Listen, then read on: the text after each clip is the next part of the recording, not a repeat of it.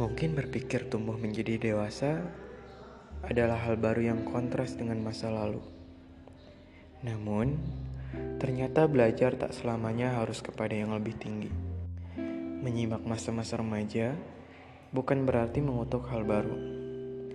Hal-hal yang tak kau senangi lambat laun akan bermakna penting jika kilas balik itu terjadi kala sudah beranjak dewasa. Harus begini, baiknya begitu seolah menjawab bab yang tak kau senangi di masa lalu.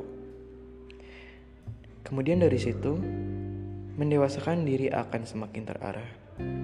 Kamu jadi tahu pola yang baik untuk dirimu, kamu juga jadi paham sikap yang bijak sesuai sebabnya. Pun juga beranjak dewasa masih terikat dengan masa-masa sebelumnya.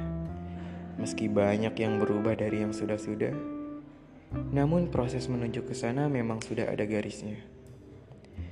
Jadi, tak harus terburu-buru seharusnya. Merenungi kegagalan, perlahan diarahkan, tersentak pada hal baru yang masih ragu untuk dilanjutkan. Menangisi kecemasan perihal masa depan. Satu hal, semua akan ada jawaban. Apa pun yang sedang ditakuti tak selalu terjadi, dan segala yang mulai akan terlewati. Nah, pada akhirnya, ini semua hanyalah permulaan.